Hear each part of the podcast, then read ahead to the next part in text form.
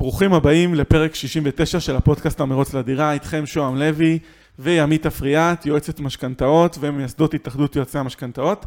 ימית, בוקר טוב. בוקר טוב שוהם, פרק 69, אתה יודע מה אני חושבת? שאנחנו יכולים לתכנן שלקראת אה, יום העצמאות הבא, שיהיה למדינה 76, אנחנו יכולים לעשות לא, זה יהיה, יהיה פרק 76 עוד הרבה קודם. שכח ממה שאמרתי. היה מגניב אם היה פרק 75 עכשיו. אתם תגיעו ל-76 לפני המדינה? שכאילו איך זה... ברור, ברור, ברור. איזה פרק הולך להיות לנו? כן, אז איתנו היום רונן מרגוליס, מנכ"ל ומייסד סימפלי פייננס וקהילת המשקיעים הפסיביים של ישראל בפייסבוק. אהלן. רונן, שלום. אהלן, כיף להיות פה. כיף לנו לארח אותך, ואנחנו עם האיש עם הפטיש, גיל רוזנברג, שלום, שלום. מלווה משקיעי נדל"ן. שלום, שלום. מה שלום- מה שלום כולם? מצוין, מצוין. טוב, אז היום הנושא המרכזי שלנו הוא תשואות היסטוריות בשוק הנדל"ן מול שוק ההון, ואנחנו בעצם רוצים פה להתחיל איתך, רונן, מה ה... ה... ה... איך להגדיר את זה? ה- רגע, שנייה, שנייה. לפני שאנחנו מתחילים, יש שאלה שכולם ככה, זה מעסיק אותם. איפה כדאי לשים את הכסף? שוק ההון נדל"ן, תמיד לי יש את התשובה, עדיף פיזור, שיהיה, אני אוהבת שיש את קודם כל איזשהו עוגן, שיש לכל אחד דירה במדינת ישראל, לא משנה אם הוא מגור, למגורים או להשקעה, ואחר כך כל כסף נוסף פנוי שיש, להשקיע אותו באפיקים שונים שמתחברים אליו. ואז נורא סקרן אותי, כחסידת נדל"ן, בסדר רונן, ברשותך. אז נורא סקרן אותי, אוקיי, אני רוצה להביא לפרק בן אדם שהיה לו מאות אלפי שקלים מראש, איפשהו, תכף נשים את זה בנקודת זמן, לא השקיע בנדל"ן, מה הוא עשה עם הכסף, איך הלך והתפתח לו אותו סכום כסף, לכמה, באיזה זמן, באיזה רמות סיכון, וכל זה אל מול אדם, גיל, שכל כסף פנוי שיש לו, הוא רק קונה עוד דירות ועוד דירות כבר לאורך כמה שנים? 14 שנה. 14 שנה. נראה לי יהיה סופר מרתק. לגמרי, לגמרי. אה, אז ככה, אני בגדול משקיע את כל ההון שלי, מכל הסוגים, בשוק ההון. אה, עכשיו, שוק ההון זה עולם רחב, יש את שוק המניות, שזה האפיקים, האפיק הרווחי יותר, אבל גם כמובן יותר תנודתי, אה, ויש אפיקים יותר סולידיים, כמו אג"חים למשל. אה, אז אצלי בגדול כמעט כל התיק זה מניות, ספציפית אפילו מדדי מניות, אה, ואת כל התיק אני אוהב להסתכל על הכל בצורה רחבה. אז זה גם כסף פרטי שיש לי, מה שנקרא כספים שחסכתי מהנטו, אבל גם כספים פנסיונים, קרנות השתלמות, אה, כסף שבתיק השקעות של החברה שלי, אה, ואני מסתכל על הכל כמכלול אחד שלם. אה, עכשיו, אם אנחנו נגיד משווים את זה לנדל"ן, אה, אז בעצם צריך להסתכל, קודם כל, נתחיל מעניין התשואות, אז מעניין אותנו לדעת מה התשואות ההיסטוריות, אוקיי? אה, אז למשל, אם אנחנו אה, מדברים על שוק ההון, ובדרך כלל השקעת נדל"ן, גם כדי שנעשה השוואה נכונה, אז השקעת נדל"ן היא השקעה ארוכה יחסית, אוקיי? גם לוקחים משכנתה ל-20-30 שנה. אה, אז כדי לתת את ההשוואה הנכונה, צריך ללכת על השקעה מנייתית. כי מנייתית, השקעה מנייתית יכולה להיות תנודתית, בטח לטווח קצר, אבל לטווח ארוך, בסוף יש התכנסות לממוצע התשואה הרב-שנתי. אה, אז זה מה שאני רוצה בעצם אה, להשוות. אה, וגם במניות, אה, ככה, דיברנו על זה ככה קצת קודם, לפני הפודקאסט, שהרבה אנשים חושבים ששוק ההון זה מין אה, קזינו כזה. כן, אז גיל כשה- אמר את זה. כן. אבל זה לא מה. שאני חושב, זה מה שהרבה חושבים. הרבה חושבים. תחושה. פשוט מחוסר ידע. עכשיו, אם אני אלך על איזה מניה ספציפית, זה קצת דומה לקזינו. כאילו, יש למשל איזה מחקר שהראה ש-40% מהמניות בשוק האמריקאי, כמעט חצי מהמניות, באיזשהו שלב חטפו בומבה של 70% קריסה בערך, בערך המניה, בלי התאוששות. לאורך כל שנות המחקר היה 30 זה ומשהו ממש שנה. קזינו. אז זה זה כשהולכים למניה. ספציפית. מה זה? זה- יש לי חברים, צוחקים עליהם, אומרים לי, תגיד לנו איפה אתה, מאיזה מניות אתה שם, אנחנו עושים שורט. אנחנו כן, עושים שורט. אז כן, אה, אז כן, כשבאמת הולכים על מניה ספציפית, זה קרוב מאוד להיות קזינו, אפשר להגיד. אה, אבל אם משקיעים בפיזור רחב, אוקיי? שלצורך העניין נגיד במדדי מניות רחבים. מה זה מדדי. מניות? מדד מניות בעצם זה מעין מייצג של אה, ממוצע משוקלל של כל המשק, אוקיי? אז נגיד בישראל יש את אה, תל אביב 35, זה 35 החברות הכי גדולות, יש מדדים רחבים יותר, תל אביב 125, אה, בארצות הברית בטח הרבה שמעו על ה-S&P 500, שזה 500 החברות הגדולות בארצות הברית, גם שם אגב יש מדדים יותר רחבים, עם נגיד ראסל 3000, שזה 3,000 החברות הכי גדולות, שזה פחות או יותר כל השוק האמריקאי. אז אתה אומר, במקום לבחור מניה אחת ספציפית, כן. בוא נשים את זה ב-100, 3,500. כן. או אפילו נרחיב את זה עוד יותר, ניקח אה, מדד עולמי שמכיל אלפי חברות מכל רחבי העולם. פחות או יותר כל החברות בעולם. עכשיו... יש כזה מדד? יש, יש מדדים, MSCI World, All Country World, כל מיני כאלה. אמרתי לך שנלמד פה דברים. ברור. אה, אז פה במצב כזה, בעצם אנחנו לא מהמרים על אף אה, סוס אה, מנצח, אלא הולכים על כל השוק. וכל השוק, כמו שהנתונים כבר 150 שנה מראים לנו, כל השוק צומח לאורך זמן. אז בעצם ניטרלנו את מה שנקרא הסיכון הפרטני של כל מניה, שבאמת מניה גם טובה ומוצלחת, מתישהו יכולה לקרוס, יכולה לפשוט רגל אפילו בתרחיש קיצון. אבל כשיש לנו אלפי מניות מכל העולם, אז גם אם מניה אחת ספציפית אה, תרד חזק או תקרוס, זה לא, לא ידגדג, מה שנקרא. אה, אז עם מה נשארנו? נשארנו בעצם עם התנודתיות של שוק המניות אה, בכללותו, אוקיי? ושוק המניות הוא תנודתי. אין מה לעשות, זה, זה פיצ'ר, זה לא באג. אממה, למרות כל התנודתיות, אז יש ירידות לפעמים. עכשיו, ירידות זה רק ירידות ערך זמניות. זאת אומרת, כשאנחנו הולכים על פיזור כזה רחב, פשוט לא קיים סיכוי של, ש, שכל התיק יורד לאפס. הוא פשוט לא קיים. כשמשקיעים בסלים האלו. בסלים, מד... בגדול מדדים. מדדים, סליחה. מדדים זה בעצם, אה, אם נחדד את ההבדל, אז מדד זה משהו כזה תיאורטי, שמגדיר איזה מניות יש במדד, מאיזה שוק, מאיזה סקטורים וכולי. אה, וסל, יש נגיד קרן סל, אז קרן סל זה מוצר עוקב מדד. מה עדיף, קרן סל או אה, מדד? אז מדד זה משהו תיאורטי, אתה לא יכול להשקיע במדד. אתה יכול... כאילו מחכה מדד. אז אתה צריך מוצר מחכה מדד כמו קרן סל. אה, אז זה אותו דבר בעצם. מחכה בקוף, לא בכף. בתור אידיוט בשוק ההון. הבסיס שלו. מחכה בקוף, לא בכף. כן, בקוף. לא, כמו שגם שי ביקש לחדד. אה, אוקיי, אה, אז מדד זה משהו תיאורטי, אבל אתה צריך משהו שיעקוב אחריו. אוקיי? אוקיי. אז הקרן סל פשוט נצמדת למדד, ואז המוצרים האלה הם, הם זולים, בלי דמי ניהול גבוהים, וזה מה שמוכח היסטורית בתור משהו שמביס את כמעט כל מנהלי השקעות, אה, בטח לטווח הארוך. אה, אז, אז זה בעצם נקודת ההשוואה שלי. בואו ניקח מדדי מניות לטווח ארוך, לעומת אה, השקעה בנדל"ן, אה, וכשהולכים לטווח ארוך יש התכנסות לממוצע התשואה הרב-שנתי במדדים, אז גם אם בפרקי זמן, גם נכנסנו בתזמון גרוע לפני איזשהו משבר, אם ניתן לזה 20 שנה, 30 שנה, בסוף אנחנו נגיע לממוצע. פחות או יותר, לא משנה מתי התחלנו, בלי לנסות לתזמן מתי הנקודה הטובה להיכנס לשוק. אה, אגב, עוד משהו שעוזר בקטע הזה, זה אה, שהוא אה, דווקא נקודה טובה להשקעה בשוק ההון, זה שאפשר להשקיע במנות קטנות לאורך זמן. אז נגיד, גם אם יש הון עצמי ראשוני גדול, נגיד שמתלבטים למשל אם נשים אותו כהון עצמי לדירה או mm-hmm. לשוק ההון, אז נגיד שמים אותו בשוק ההון, למשל, אני יכול אחרי זה, הרי העולם לא נעצר שם, בשאיפה אנחנו מצליחים לחסוך מה, בשוטף, ואז כל חודש, כל רבעון, אני יכול להכניס עוד כספים לשוק בצורה עקבית. אה, ואפילו אם נכנסתי בהתחלה בתזמון גרוע, והיו ירידות, ברגע שאני מכניס כספים בהמשך, בלי להסתכל בכלל על השוק, אם אני בתחתית, או, או כבר הסתיימו הירידות, או לא הסתיימו, בלי, בלי לנסות לנבא שום דבר, פשוט מכניס כספים בצורה עקבית לשוק, אה, אז הכספים שנכנסו אחרי הירידות, הם זוכים לתשואה גבוהה מהממוצע. ואז זה מאזן לפחות חלקית את הכסף שהכנסנו בהתחלה, אם נכנסנו בתזמון גרוע. אה, אז, אז זה עוד יותר ככה, מה שנקרא מיצוע על ציר הזמן, וזה עוד יותר מכנס אותנו מהר יותר לממוצע. אז מה הממוצע? אז הממוצע של אה, מדדי מניות, נגיד בשוק האמריקאי, בשוק העולמי, סדר גודל של 10% אה, לשנה. נומינלי, ריאלי, פחות או יותר 7% בממוצע של 100 ומשהו שנים. זה סדר גודל 10%. אגב, גם פה אפשר קצת לשכלל את התיק ולתת אולי חלק מהתיק למדדים של מניות קטנות, או מניות ערך קטנות למי שמכיר, זה, והיסטורית מניות קטנות הניבו תשואה גבוהה יותר ממניות גדולות. הן יותר תנודתיות, אבל הן נותנות תשואה גבוהה יותר, וזה כבר מביא אותנו, יכול להביא אותה, את התשואה לאזור ה-12-13 אחוז בממוצע לשנה. אה, אז זה שוק ההון, אוקיי? עכשיו, מה קורה בנדל"ן, בסדר? אז אני נגיד בדקתי אה, תשואות היסטוריות אה, בנדל"ן, כשהתשואה מסתכלת מן הסתם גם על עליית ערך וגם תשואת שכירות.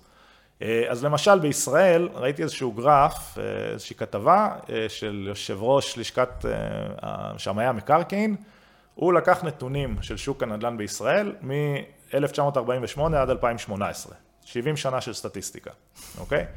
ובדקת אה, כל עשור את אה, מחירי הדירות הממוצעים, אה, ומתוך זה נטרל את האינפלציה, עשה תשואה ריאלית, mm-hmm. מתוך זה אפשר לראות את התשואה, את העליית ערך הריאלית הממוצעת. אז יש לכם מושג כמה זה בערך? עליית ערך ממוצעת? אני זוכרת מה אמרת לי. אני יודע מה הלמ"ס אומר, אז בוא, בוא תגיד לי אתה. אז זה קצת פחות מ-2 אחוז. אוקיי, זה, לא זה לא מה שהלמ"ס אומר. כן. מה הלמ"ס אומר? 5 אחוז. ואגב, אם מסתכלים על, אם מסתכלים על ריבית דריבית, שזה משהו שלא לוקחים כן. פה בחשבון, ועל קיזוז שחיקת המשכנתה, שזה ימית מבינה יותר ממני, אנחנו גם מגיעים לכמעט 6 אחוז, ואני יכול להראות לך איך גם מגיעים ל-10 אחוז, כמעט בלי בעיה. אני אישית מגיע גם ל-70 אחוז, אבל זה כבר צריך ללמוד, כמו כל דבר. אני מניח שגם בשוק ההון אפשר להגיע ל-700 אחוז בשנה, אם לומדים את הדברים האלה. אוקיי, אז אה, בוא נגיד, אני מנסה להתכנס, ל...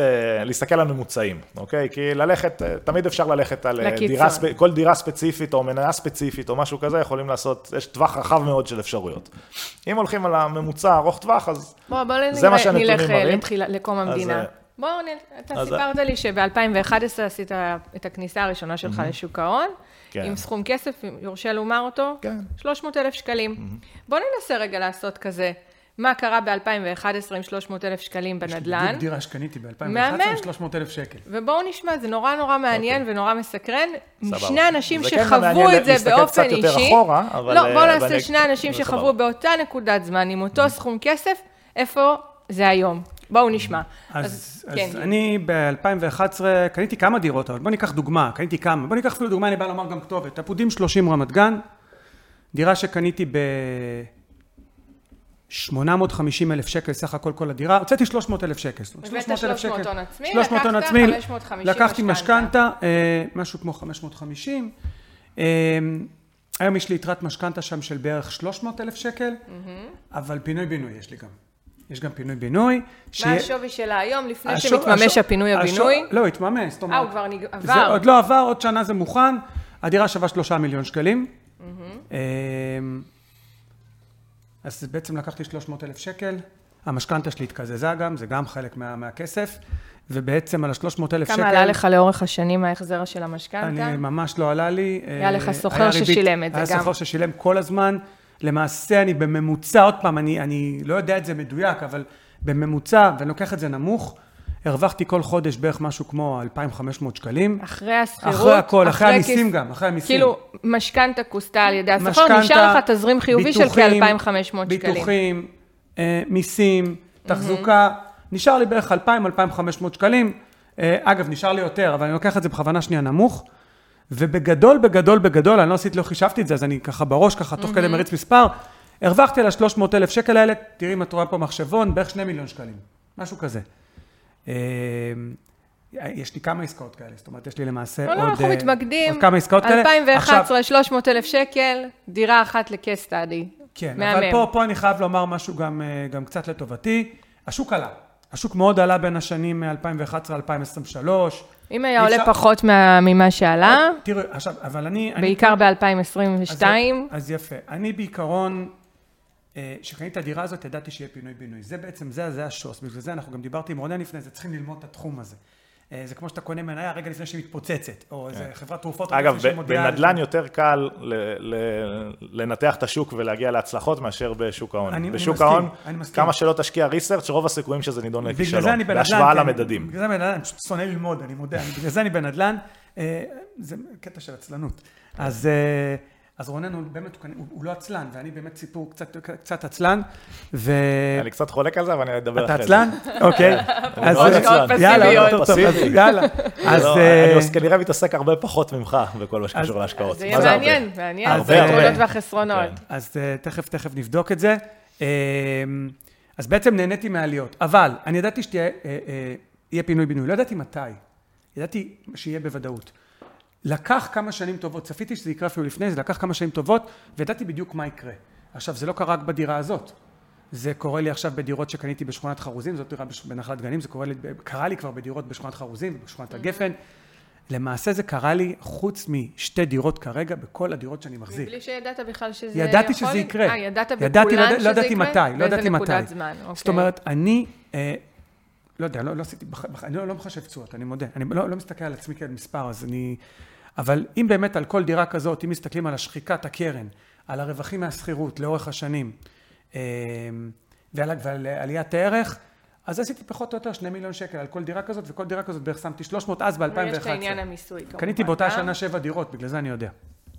ויש גם את עניין אה, מס הרכישה, לא, לא, והמס זה על אחרי, הסחרות. זה אח- מס רכישה כלול בתוך ה-300, אז היה מס רכישה מנותו 3 אחוז, זה לא היה כמו היום, אה, וכללתי בפנים גם את המס שבח, זאת אומרת שאני הולך לשלם 25 אחוז, שגם כן, אני לא באמת אשלם מס שבח, כי עם השנים האלה העמסתי המון המון הוצאות, יש חשבוניות, יש ריבית ששולמה, אוקיי?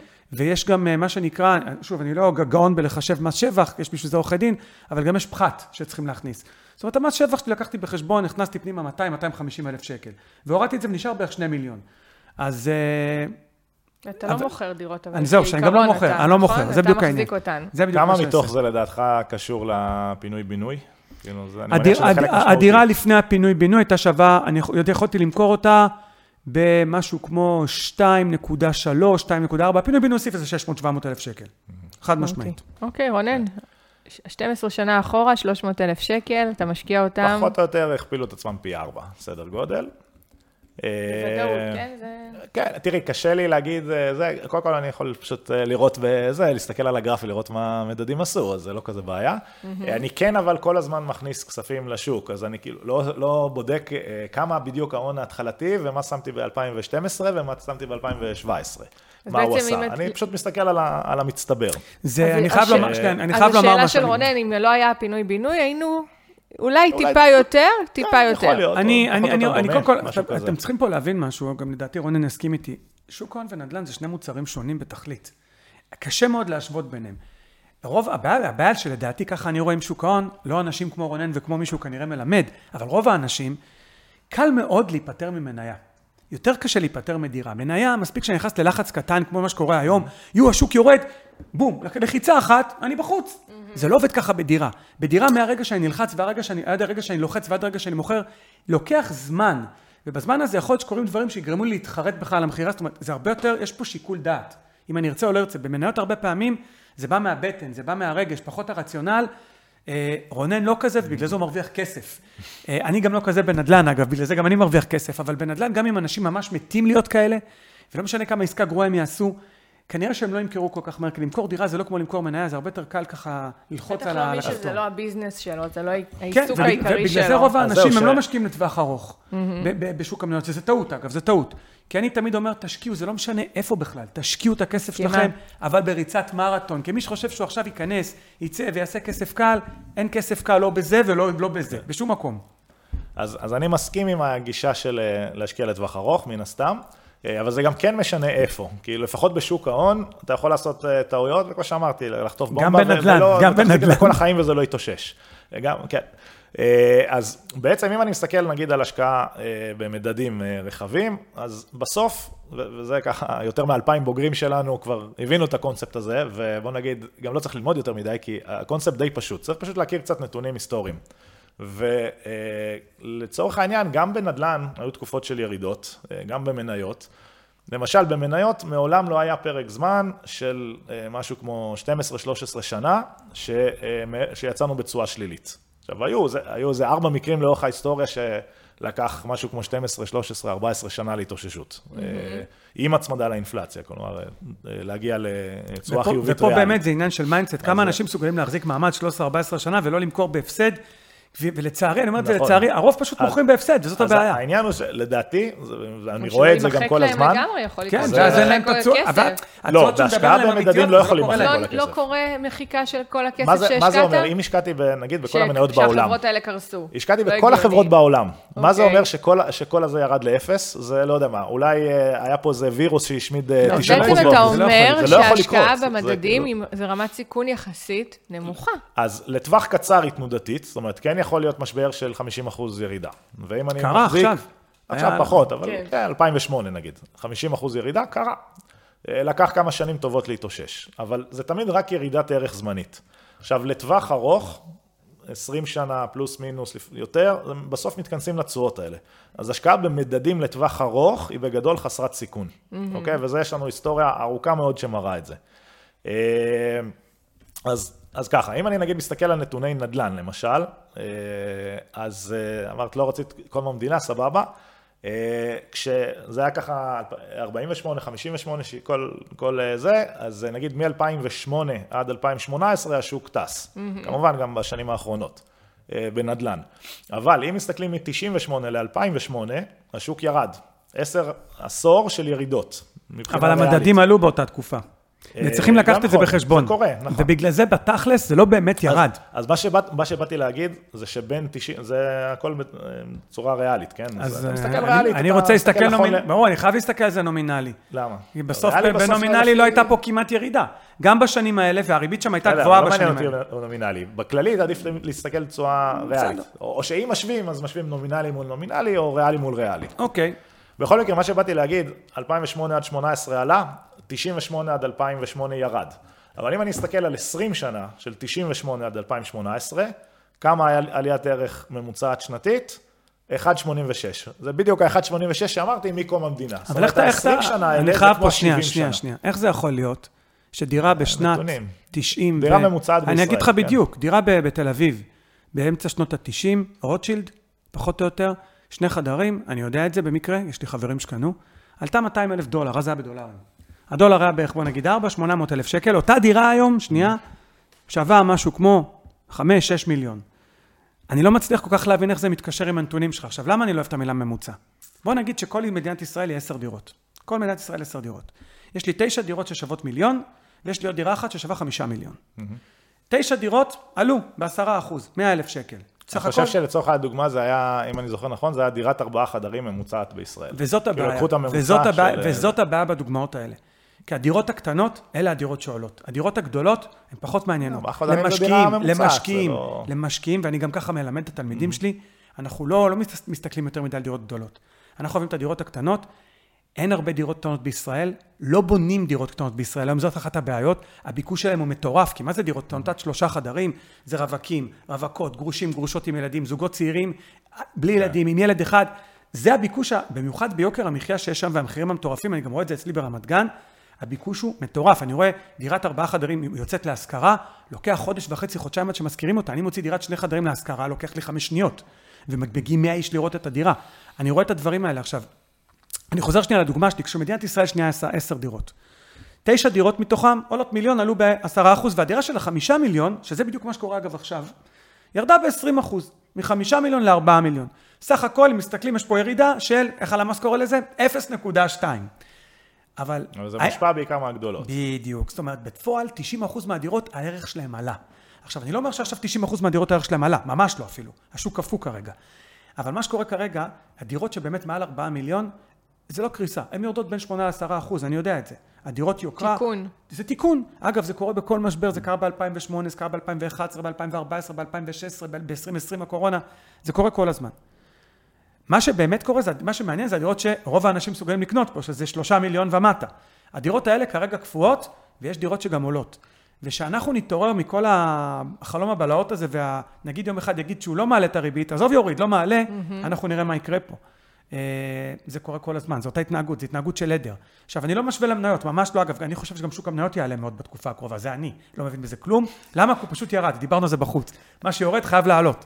אבל אה, אני לוקח באמת את הדוגמה של הנדל"ן, ולמה, להסביר לאנשים למה המילה הזאת ממוצע, תוציאו אותה מהלקסיקון, פשוט תוציאו אותה מהלקסיקון, היא לא נכונה. ואני יודע שככה הם חושבים, אבל היא לא אני- נכונה. אני לא יודע אם לקבל את זה, כי בסוף, אתה יודע, משפחה ממוצעת בישראל, כנראה תקנה, לא, לא יהיה לה אה, מיל, מיליון הזדמנויות למצוא דירת שלושה חדרים או שני חדרים זולה, כי אין כל כך כאלה, אז הם קונים איפשהו ארבעה חדרים. אבל אם תיקח את הדירות הדירות- הקטנות האלה, ואם תיקח, ועכשיו גם נסתכל מה זה שוק נדל"ן, הרי מדינת ישראל זה לא שוק נדל"ן, גם תל אביב זה לא שוק נדל"ן, גם בתוך תל אביב אי אפשר להשוות בין נווה צדק לנווה שאנן, השוק נדל"ן בסוף זה יכול להיות רחוב גם, זה יכול להיות כמה רחובות קטנים בתוך עיר, בתוך, בתוך שכונה. ובגלל שאנחנו מבינים את זה, אז יש המון, אני קורא לזה קוביות, יש המון קוביות, המון המון שווקים. אי אפשר להשוות. בגלל זה בנדל"ן כל ההשוואה הזאת היא, היא גם לא נכונה, שאני אומר לך חמישה אחוז בשנה זה חרטוט, כי יש באמת דירות שעלו ב-1.8 ויש דירות שאני יכול להראות לך אצלי שעלו בפי שלוש ויש, אני יכול להראות לך דוגמה בקריית, אה, בבת גלים, שעלה גם ב-2,000 אחוז. דירות שעלו 100 אלף שקל לפני 13-15 שנה, עולות היום 2.6 מיליון. אז הממוצע הזה הוא לא נכון. בסדר, אבל אתה יודע, ממוצע, יש גם את הצד השני של הממוצע. נכון. כמו שיש ממוצע, יש גם, כל, על כל דירה שיש מעבר, יש גם את האלה שהרבה מתחת. וזה בדיוק מה שאמרת עם המניות גם. זה- יש מניות שיקרסו, ויש נכון. מניות שיעופו. עכשיו, בגלל זה צריך ללמוד את זה. צריכים ללמוד שוק ההון בשביל להבין. אני למשל לא למדתי שוק ההון, אספר לכם, בהזדמנות אם תרצי, יהיה לנו זמן, אספר לך על הספתח שלי בשוק ההון, מה קרה שם. אז אני לא למדתי, ובאמת, אני רק מפסיד. לי יש תיק היום, דיברנו על זה קצת לפני, גם בא- באנליסט וגם באלטשולר. התיקים שלי, מאז 2011 עד היום, 12 שנה, לא נגעתי בתיק. הם עשו לי, אם עכשיו לוקחים את הירידות עכשיו, כלום. וואלה. כלום. עכשיו, זה לא אחוז, אני אומר לך, אני מופסד. כלום. עכשיו, הייתי תקופה שהייתי מורווח ועשו לי... היית שבע- במדד, מצבך היה הרבה יותר טוב. הייתה לי תקופה שהייתי 7% ב- בשנה. המשבר האחרון מחק לי את הכל. עכשיו, זה- מה מה הבעיה בשוק ההון? ככה אני מסתכל על זה, אני לא פוסל. וזה בגלל זה, לי זה לא מתאים. תמיד אומר, השקעה זה עניין אישי. לך מתאים זה, לי מתאים זה, לימית מתאים זה, לשום מתאים זה. כל אחד ומה שמתאים לו. לי אישית, אני אחרי 2008 לא מתקרב לשוק ההון, למרות שאני מושקע שם, אבל שוב, עם תיקים מנוהלים. אני מסתכל על זה בצורה כזאת. אחת לשש-שבע שנים יש משבר. בישראל, אני לא מסתכל על העולם, המשבר הזה פוגע קשות כנראה בשוק המניות, בשוק הנדל"ן הוא לא פוגע.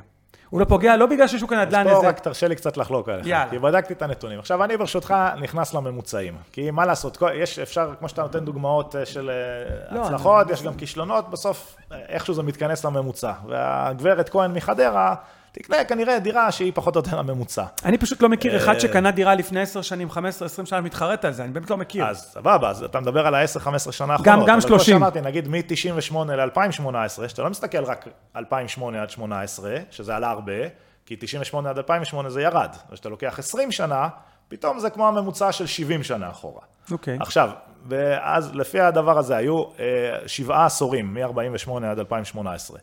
בתוך שבעה עשורים כאלה, שלושה מתוכם היו ירידות. ב- אוקיי? ב- במשך עשור, מבחינה עשור. ריאלית. אוקיי. עשור שלם של ירידות. אוקיי? אוקיי. עכשיו, בדרך כלל לא לא מכיר ירידות הנ- כאלה דרמטיים. אני אשלח לך, תראה את הכתבה, אני יש. נתונים, הכל, זה זה. אה, עכשיו, שלושה מתוך שבעה עשורים ירידות. עכשיו, נגיד מישהו נכנס ב-68 למשל, מ-68 עד 78, ריאלית, הכל ריאלית, כאילו מצמיד לנקודת ההתחלה. השוק ירד ב-72 אחוז, אוקיי? שוק הנדל"ן. שוק הנדל"ן ירד ב-72 אחוז. בישראל? בישראל, ריאלית. אני לא מכיר את ועד המספרים האלה. 88 הוא לא חזר לאותו ערך. 20 שנה לא חזר לאותה נקודה. השאלה אם הם מכרו. כן.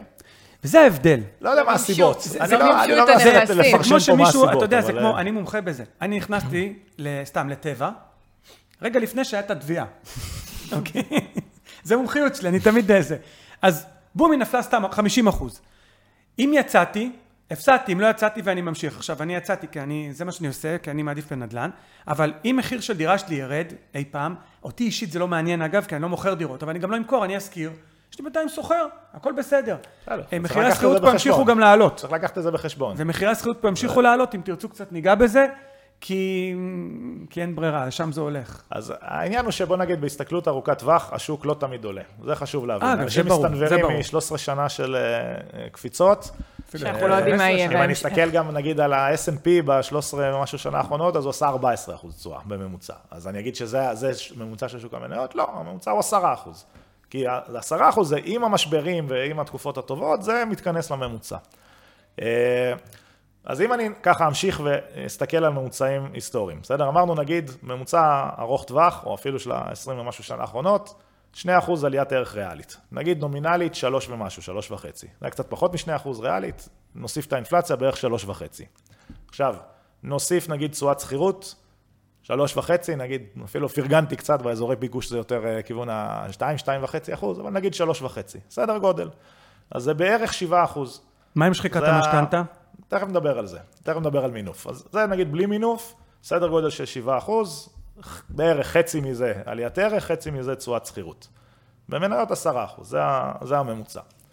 עכשיו, אם אנחנו רוצים להשוות מינוף, אז צריך לעשות השוואה מדויקת. עכשיו, אני עשיתי, בניתי אקסל כזה, מאוד נחמד, שבדק, אה, זה קצת קשה בפודקאסט להיכנס. לטבלאות, אבל אה, אני, אני אשמח לשלוח לך את זה. אה, לקחתי אה, השוואה בין משפחה א' שקנתה דירה להשקעה ומשפחה ב' שהשקיעה בשוק ההון. עכשיו, דאגתי שההשוואה תהיה מדויקת. מה הכוונה מדויקת? אותו הון עצמי בשני המקרים, ואותו תזרים, בין, בין אם הוא חיובי, שלילי או אפס, אותו תזרים חודשי, לאורך 20 שנה. אוקיי? ולקחתי בשני המקרים אה, ממוצעים ארוכי טווח, אז בדקתי ממוצע ריביות ארוך טווח אה, של משכנתה. לא רק, ה, לא הריבית של עכשיו, עם כן. ה, אחרי העליות, אבל גם לא הריבית של ה-12-13 שנה האחרונות. כן. כשלוקחים ארוך טווח, אז לא זוכר בדיוק כמה זה היה, של שלוש ומשהו, אבל זה ממוצע ארוך טווח, בסוף זה גם כנראה מתכנס לכיוונים האלה. אז ריביות ממוצעות, אה, עליות ערך ממוצעות, שכירות ממוצעת, כל הדברים האלה, ותשואות ממוצעות בשוק ההון ונדל"ן. ואז הכנסתי את זה. עכשיו, אה, בואו נתחיל נגיד, עשיתי את זה בשלושה תרחישים. 50 אחוז משכנתה, 75 אחוז, ובלי משכנתה בכלל, אוקיי? אה, עכשיו, מה גיליתי? אז ב-50 אחוז משכנתה, מה שקורה, משפחה א' קנתה דירה, שמה נגיד 2 מיליון, שמה מיליון הון עצמי, עוד מיליון משכנתה. עכשיו, ב-50 אחוז משכנתה, פחות או יותר, לא ניכנס על השקל ויש כל מיני דוגמאות, אבל פחות או יותר השכירות והמשכנתה מתקזזים, פחות או יותר. אז היא שמה מיליון, אה, לאורך 20 שנה השכירות מקזזת את המשכנתה, אחרי 20 שנה מה יש להם ביד? רגע, רונן, דירה. אתה שוכח משהו פעם משהו. מה עם מחזור של משכנתה?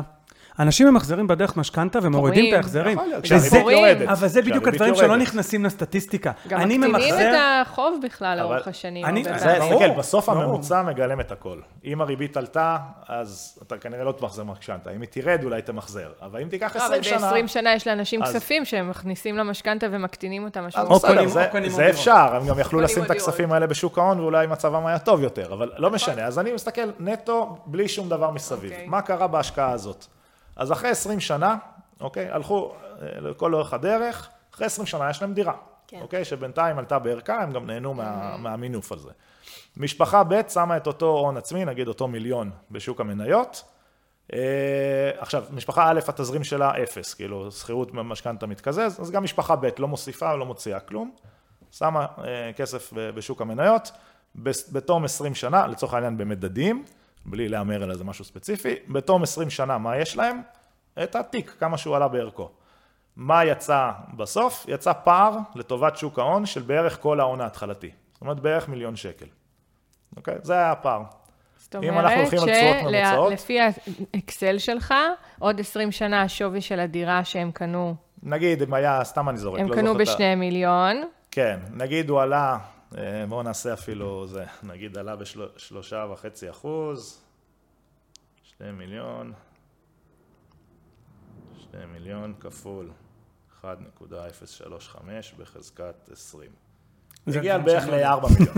4 הגיע בערך מיליון, ל-4 ובשוק אז שוק ההון ההון, 5 מיליון. כאילו הפער של, עשיתי את זה ריאלית, הכל בזה, אז אה, פה נומינלית, לא משנה, לא לא נתפס למספרים, הפער היה, הכל במספרים ריאליים, אה, מיליון שקל יותר לטובת שוק ההון. ב-20 שנה הם עשו פי חמש על הכסף שלהם?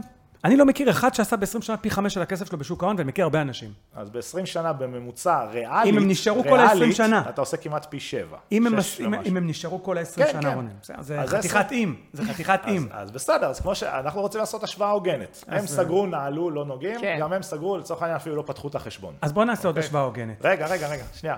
לקחתי את זה עוד צעד. הלכתי על 75 אחוז 75% מימון, מימון. לראות אם, אם המינוף גם פה עוזר. התזרים שלילי, אז ב-75 אחוז מימון יש תזרים שלילי. אז נגיד, אותה דירה של 2 מיליון, אלה שמו 500 אלף על ההון עצמי לדירה, אלה שמו 500 אלף בשוק ההון. עכשיו, משפחה א', התזרים שלילי, משלמת יותר משכנתה מהשכירות, זאת אומרת, מוציאה עוד כסף מהכיס. אז כדי שתהיה השוואה הוגנת, משפחה ב' תשים את אותו סכום כסף, כמו מה שהדלתא של משפחה א', בין המשכנתה לשכירות. אומרת, את אותו סכום שהם מוציאים כל חודש מהכיס, גם הם שמו. והכניסו אותו גם כן לתיק. מה קורה בתום התקופה? עוד פעם פער של כל ההון ההתחלתי, פחות או יותר, אפילו טיפה יותר, אה, בגלל שהריביות ב-75% מימון קצת יותר גבוהות. אז זה הסדר גודל. עכשיו לקחתי עוד דוגמה בלי משכנתה. בלי משכנתה, אלה קנו את הדירה, אה, את כל ה... שמו את כל השני מיליון נגיד היה להם על הדירה, בלי משכנתה בכלל, הבית עולה בערכו, אה, ואלה שמו שני מיליון בשוק ההון. בית עולה בערכו, אה. ויש להם הכנסה נטו זהו, אז, משכירות. אז בינתיים יש הכנסה משכירות, ולהם אין איזה הכנסה שוטפת. גם, כדי שיהיה- אבל גם ההכנסה משכירות ש- עולה, גם השכ- השכירות פה עולה 3% בממוצע כן, בשנה. נכון. אנשים לא לוקחים את זה לא בחשבון. מנטרלים את זה, זה. זה גם נכון, מצד שני, אתה יודע, יש גם... אה, כי תכף מיני- תראה את הדוגמה, מיני- כן, נראה איך תסביר את הדוגמה שלי. כל מיני, יש גם כל מיני דוגמאות, אחר, כאילו, גורמים אחרים שמקטינים קצת, אני יודע, ביטוחים, תיקונים, שיפוצים, תקופות בלי סוחר, זה, פחות או יותר אולי זה מתאזן. נו. אה, אוקיי, יכול להיות. אה, בכל מקרה, גם בדוגמה בלי משכנתה, אז הם שמו את השני מיליון והם מקבלים תזרים שוטף. עכשיו, אני לא רוצה שהתזרים הזה סתם יישב בעו"ש, אז לצורך העניין, כדי להשוות, עשיתי שגם משפחה א', אה, ברגע שהם מקבלים, נגיד, לא יודע, מקבלים 4,000 שקל שכירות, זה לא קונה עוד קצת נדל"ן. אז אמרתי, אוקיי, בואו נשים את זה בשוק ההון. כן. אז לצורך העניין הם מטפטפים כספים לשוק, ואז נוצר להם השקעה משולבת כזאת של נדל"ן פלוס שוק ההון. אז לאלה יש רק תיק השקעות, ולאלה יש דירה פלוס תיק שהלך וגדל עם השנים. גם פה, בצורה מאוד uh, מפתיעה, מפתיע. יצא פער של כל ההון ההתחלתי, לטובת שוק ההון. זאת אומרת, בכל התרחישים האלה, אחרי 20 שנה, יצא פער של פחות או יותר כל ההון ההתחלתי. כלומר, בהשוואה ככה הוגנת על סמך נתונים, נתוני עבר, יוצא שהמינוף לא באמת עוזר יותר מדי לטווח ארוך. מתי מינוף כן עוזר? מינוף עוזר כשיש עליית ערך משמעותית. אז אם יתמזל מזלנו... ושרוצים לקנות עוד דירות. אבל רגע, נראה לי שהתפספס לנו פה משהו לא מאוד מאוד מאוד חשוב, רונן, ותקן אותי אם אני טועה. עשינו השוואה מקודם 50-50, שני מיליון הלכו לשוק ההון, לא, מיליון לא, מיליון. אה, מיליון הלך, ומיליון היה... כן. אוקיי. חשבתי שהשווית שני מיליון אל מול שני לא, מיליון לא, לא. דירה, שחצי ממנה היה במשכנתה. לא, אז כאילו אותו הון התחלתי. אז איפה עוד מיליון? אותו הון התחלתי, אוקיי. בדיוק. אז אגב, אני בדיוק הדוגמה שלך. אה, אני בדיוק הדוגמה. אני בשנת 2010 לקחתי שני מיליון שקלים. מיליון שמתי בשוק ההון, באנליסט ובאלטשולר, יש לי היום 935. כמה שנים? 13 שנה. 13 שנה. גם אצלם, רגע, רגע, רגע. כי השקעות בדרך כלל לא טובים. אני יודע, אוקיי. עזוב, אני יודע הכל. אז אתה מופסד ב-13 שנים האלה. אני מופסד. כן. אני יכול להראות לך את החשבון בנק. טוב. לקחתי מיליון שקל, שמתי בנדל"ן, יש לי היום דירות בשווי של מעל 40 מיליון שקל, שאם אנחנו נקים... אבל איזה תקופה זאת? רגע, רגע. 13 שנים האחרונות. רגע, 13 שנה. רגע, שנייה, שנייה, רונן. יש כן. לי משכנתה והלוואות, 6 מיליון שקלים, אני נותן לך את הנתונים האמיתיים. אה, אם אני מוריד את זה מזה, מוכר את הכל, ותורידי גם 25% מס, עשיתי בערך פי 30 על הכסף שלי. אני לא מצליח להבין את ההשוואה. עכשיו, ההשוואה שלך נכונה מתי? גם לא בטוח שהיא נכונה, אבל בוא נגיד שהיא נכונה, שבאמת מישהו שם תיק וקונה דירה וזהו, לא עושה כלום, הולך לישון. זה לא, אבל זה לא, לא, בפועל זה לא מה שקורה. זה, זאת הבעיה, יש את ה... בוחרים, מחליפים וכולי. יש בוחרים, יש מוכרים, בשוק ההון, אף אחד לא באמת נשאר שם 20 שנה, אני לא מכיר, אתה כן, כי אתה חכם. רוב האנשים לא חכמים כמוך. אז זהו, הם לא. הוא רוצה ללמד אנשים. זה בסדר, בגלל זה זה טוב שיש אנשים כמוך.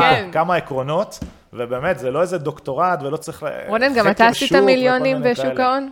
אה, כן. מיליונים. כן. התיק שלי הוא תיק של כמה מיליונים, אה, חלקו רווח, לא זוכר בדיוק כמה. אבל היית משקיע בנדל"ן, היה לך יותר. אתה יכול לא, לא לעבוד היום? יש לך הכנסה שיכולה לממן לך מחיה? אה, אני יכול לצורך העניין לפרוש ולחיות, יש מה שנקרא שיעור המשיכה הבטוח, לפי נגיד סדר גודל 3-4 אחוז, ואגב בדומה לנדל"ן.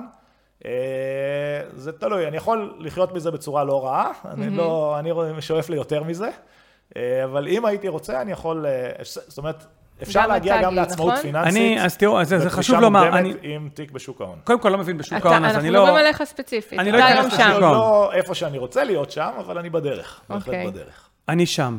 אני לא צריך לעבוד היום. אני עושה את מה שאני אוהב לעשות, שזה נגיד להקליט איתכם פודקאסט עכשיו, אוקיי?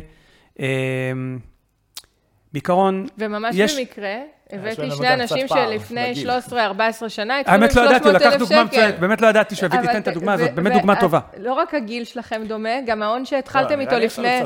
לא יודע, בן כמה אתה, רונן? אני עוד מעט 40. אתה? אה, חשבתי שאמרת שאתה באותו גיל. אני עוד מעט 50. 300 אלף שקל לפני... סוף שנה אני 50. זה הפער. 300 אלף שקל לפני 13-14 שנה התחלתם שניכם. אז אני, תראו, חשוב פה לציין כמה דברים. קודם כל, רוב האנשים עושים בנדל"ן את מה שהוא אמר. הם קונים דירה, גר, הם גם גרים בה אפילו, בדרך כלל הם גרים בה, הם אפילו לא מקבלים את השכירות. זה פרצוף מעוות הוא היה לו כן. כשהוא אמר הם גרים בה. שערות צמרות, לא- וזהו, ובזה זה, זה, וככה הם מתים. זאת אומרת, הם משפרי דיור, הם כל פעם מגדילים קצת משכנתה, אבל הם לא באמת מקבלים שכירות. בשוק ההון, חוץ מרונן ועוד כמה בודדים, אני לא יודע אחוזים, אני לא נכנס לזה אפילו, ואני גם לא מבין. אין לי ספק שאם אנשים ישמעו בקול רונן וישימו פה ופה ב-20 שנה, כן, הם יעשו את משהו, מה שיקרה. אבל בואו, הרוב לא עושים את זה. עכשיו, מה, ש, מה שגם הרוב לא עושים בנדל"ן, וזה מה שאני עשיתי, בגלל זה אנחנו שונים, זה שאנשים ממנפים את הדירות האלה, הם קונים עוד דירות. הם ממחזרים, כמוני, בערך 700 פעם את המשכנתאות שלהם. הם יודעים לקחת משכנתאות בכל מיני מסלולים מסוימים, בצורה חכמה ולהיעזר ביועצים. ולקחת כל מיני בלו, הלוואות גישור בלונים ו- וכל מיני גרייסים וליהנות מאוד מהשכירות. השכירות עולה, והשכירות אגב מ-2016 עד 2016 לפחות אצלי היא לא עלתה בכלל. מ-2016 עד היום 50 אחוז, 50-60 אחוז ברמת גן, השכירויות ימשיכו לעלות. זאת אומרת, בצד אחד הרווחים, התזרים שלי מאוד מאוד עולה, המשכנתה נשחקת, אני כל הזמן ממחזר, ובעצם הגאפ שלי עולה, היום אני מרוויח כל חודש רק מנדל"ן כמה עשרות אלפי שקלים נטו, נטו, לא, לא ברוטו, ברוטו. המשכנתאות, אחרי המשכנתאות הכל. והמיסים, אני משלם גם מיסים, וואו, רחת מיסים. רק בינואר שילמתי 100 אלף שקל מס, אז הכל, אני משלם מיסים, אוקיי? אז אני אומר, בפועל, מה שאני והוא עושים, זה לא האקסל, אנחנו לא האקסל. באקסל משהו, הוא לקח, הוא לקח דוגמה שמצד אחד בנדל"ן הוא צודק. זה בדיוק מה שבן אדם עושה רוב החיים. בשוק ההון זה לא מה שבן אדם יעשה, בן אדם מן השורה, מן היישוב, מה שנקרא, הלוואי, וכל האנשים יעשו את מה שאתה עושה, הם יהיו כולנו פה נהיה מיליונרים, אבל בוא, זה לא יקרה.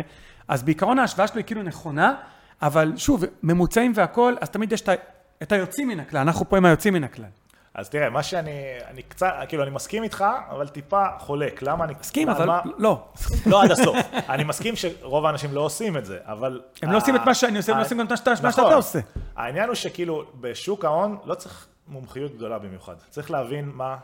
מה עובד, מה אז לא איך עובד. אני תמיד מפסיד? עניין של לצורך. העניין כמה שעות של לימוד. ולהכיר צריך להכיר אותו, נתונים, אני קונה באמת ברמה. שזה כמה שעות. אה, שכנעת, אני קונה את הקורס, נו. ואחרי זה, וואלה, אתה יודע, הולכים. וכשהם רואים ירידות, הם מבינים, הכל בסדר. אני רוצה לספר לך מהספרייה למה? שלי כי אני ראיתי. קצת גרפים אחורה, גם אני לא רף נבהל. הכניסה הרבה יותר נמוך. נכון. כן, זה מה שחשוב, זה לנדל"ן. נכון, זה נכון. ואז אתה יכול. להגדיל מה שבנדל"ן לא היית יכול בכלל להיכנס. אם נגיד עכשיו נכון. 100 אלף שקל פנוי, אני יכולה להיכנס לאן זה גם שאתה נגיש, ממליץ. זה נגיש. לעומת שאין לי...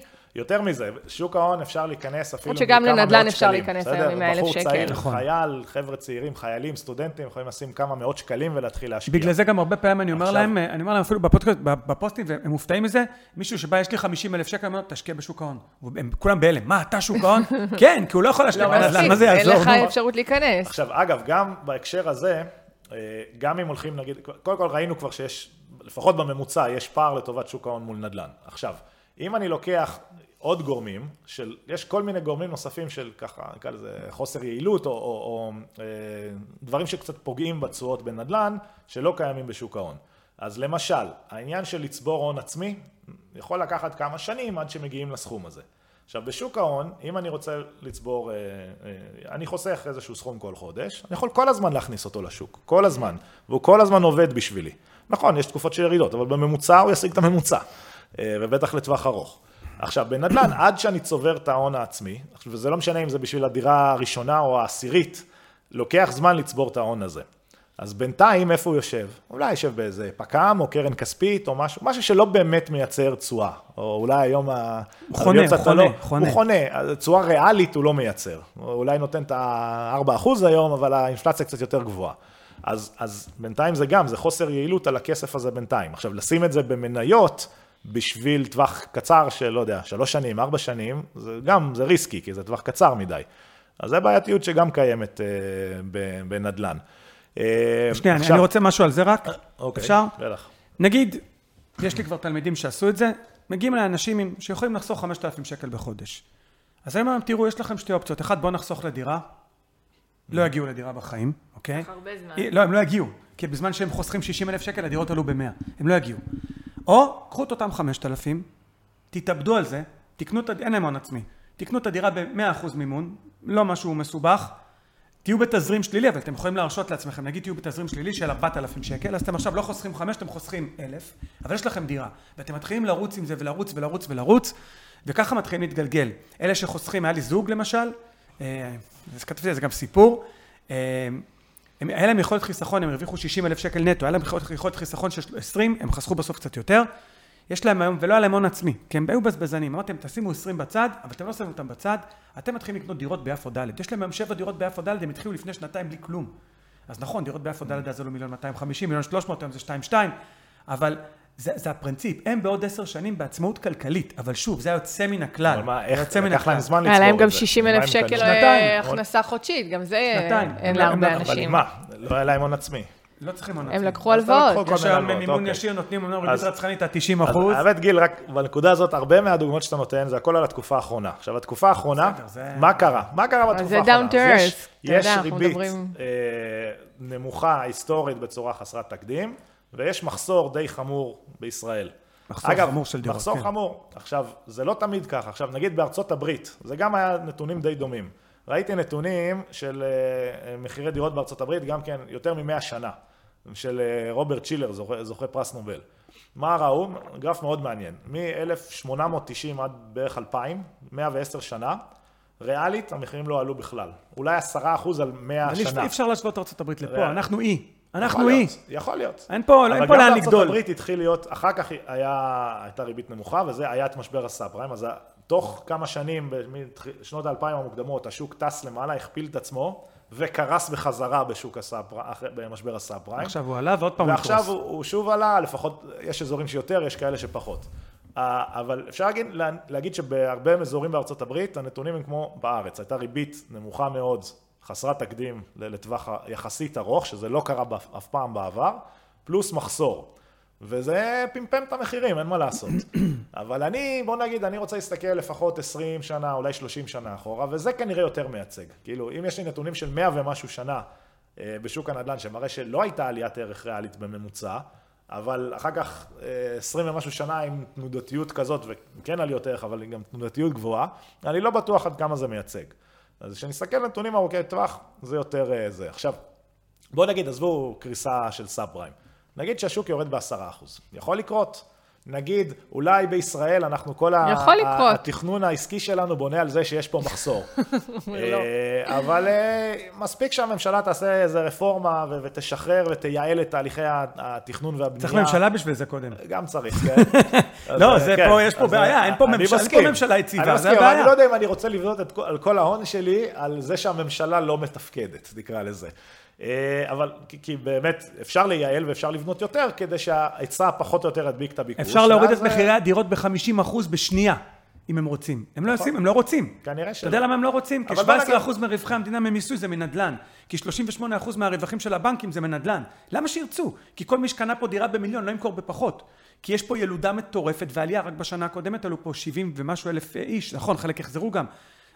אנחנו מתרבים, אין פה שטח, לא בונים פה. אתם יודעים מה קורה עכשיו? אתם, אתם יודעים, הקבלנים לא רק שהם לא בונים, הם לא קונים קרקעות, ובעיקר מה שקורה, הם לא מוכרים את הדירות שלהם, הם משכירים אותם. אומרים, רגע, מחירי השכירות עלו, בינתיים ישלמו לי מימון, נחכה לימים טובים יותר. מה יקרה פה בעוד חמש שנים? יהיה פה זה- בלאגן, יהיה פה נכון. בלאגן. עכשיו, זה מה שקרה אה, גם יש ב-2016. גבול לכמה אנשים יכולים לשלם, אבל גם... זה גם אבל נכון. לא משנה, אנחנו כבר עוסקים אז יעלו את. המינוף, אז יעשו דברים, תשמע, יפרסו ל-40 שנה, יהיה פה עוד פעם EMI, לא יודע מה, יקרה משהו. בפועל, מה שקרה ב-2016, קורה עכשיו. 2016 בא כחלון, שאני לא אוהב אותו כל כך, והוא בא והציע שתי הצעות, אחד מחיר למשתכן, מהני לס על וגאס, הפרצוף, כן. בדיוק, כולנו מסכימים על זה. מה שמה? שתרם מאוד לעליית המחירים, מחיר למשתכן, לא, ומה אמרתם על זה? שזה על הפרצוף. ופה ופה לא צריכה אני לחלק הטבות מסכימים הרבה בהגרלות. יותר ממה שאתם לא- חושבים. זה גם לא מוסרי בעיניי נכון, בכלל. נכון, זה הימורים. והדבר השני שהוא בא זה עם מס ריבוי דירות, שאני הייתי בין אלה שהגישו אה, בג"ץ לעניין הזה. וזה לא עבר, בג"ץ פסל לו את זה. עכשיו, עצם זה שהוא הציג את זה, כי אנחנו בישראל לא, לא מבצעים מהלך, אנחנו קודם מציגים אותו. אז מחירי השכירות, הוא העיר שוק רדום לגמרי של שכירות, שהיה רדום, הוא העיר, הקפיץ אותה באותו שנה ב-30 אחוז. ומה שקרה, הוא הבריח אנשים החוצה, שזה מה שקורה עכשיו. הוא גם העלה את מס רכישה, אם אני לא טועה, מ-5 ל-8. הוא הבריח את האנשים, הוא גם אמר, יש ציטוטים שלו, תחפשו בגוגל, תשקיעו בחוץ. איזה שר אוצר אומר כזה דבר מפגר, אני לא יודע, אבל לא משנה. הוא, הוא, הוא הבריח אותם. אם עד 2000, עד התקופה של כחלון, בערך 40 אחוז מהדירות שנקנו היו על ידי משקיעים, זה כפ... ירד ל-13 אחוז. אני אמרתי באותה שנה, חכו 5-6 שנים קדימה, תראו מה יקרה למחירי השכירות. צדקתי, וזה בדיוק מה שקורה עכשיו. חכו 5-6 קדימה, 6 שנים קדימה, תראו מה יקרה למחירי השכירות. מה יקרה למחירי הדיור? בטווח הקצר אני בטח לא נביא, בטווח הארוך זה יעלה, ולא רק שזה יעלה, עוד 20 שנה זה מכפיל את עצמו. בקצב הזה, אלא אם כן יהיה פה באמת, כמו שאתה אומר, שינוי אקוטי במדיניות, מה שאני לא רואה את זה קורה כרגע. לא, בוא נגיד, אני, אני מקבל מה שאתה אומר, אני פשוט ב- ככה, גם באופי שלי לא מנסה להיכנס לספקולציות, וכן רוצה להסתכל על המציאות, גם על השקעה דברים שקרו במניות ב- זה לא ספקולטיבי? אה, אז כמו שאמרנו, השקעה, אני, אני לא משקיע במניות, אני משקיע במדדי מדדים. מניות רחבים, וזה הבדל של לא, שמיים לא, הוא וארץ. צודק, זה לא, זה לא, אז- זה, הם אז יודעים מה עושים, זה ארוך לא... זה ממש לא זה ספקולטיבי. כמו נדל"ן, צריכים את כישרון בשביל משקיעה להפסיד. בסוף בכל השוק, ובסוף הכלכלה צומחת לאורך זמן. עכשיו, אם נגיד, נסתכל נתונים אחורה, והיו תקופות של ירידות. השוק לא יכול לרדת בעשרה אחוז, מסיבות כאלה ואחרות, בגלל הריבית, בסדר? עשרה אחוז. עכשיו, מי שלקח מינוף פי ארבע, אוקיי, הוא מופסד 40 אחוז על ההון.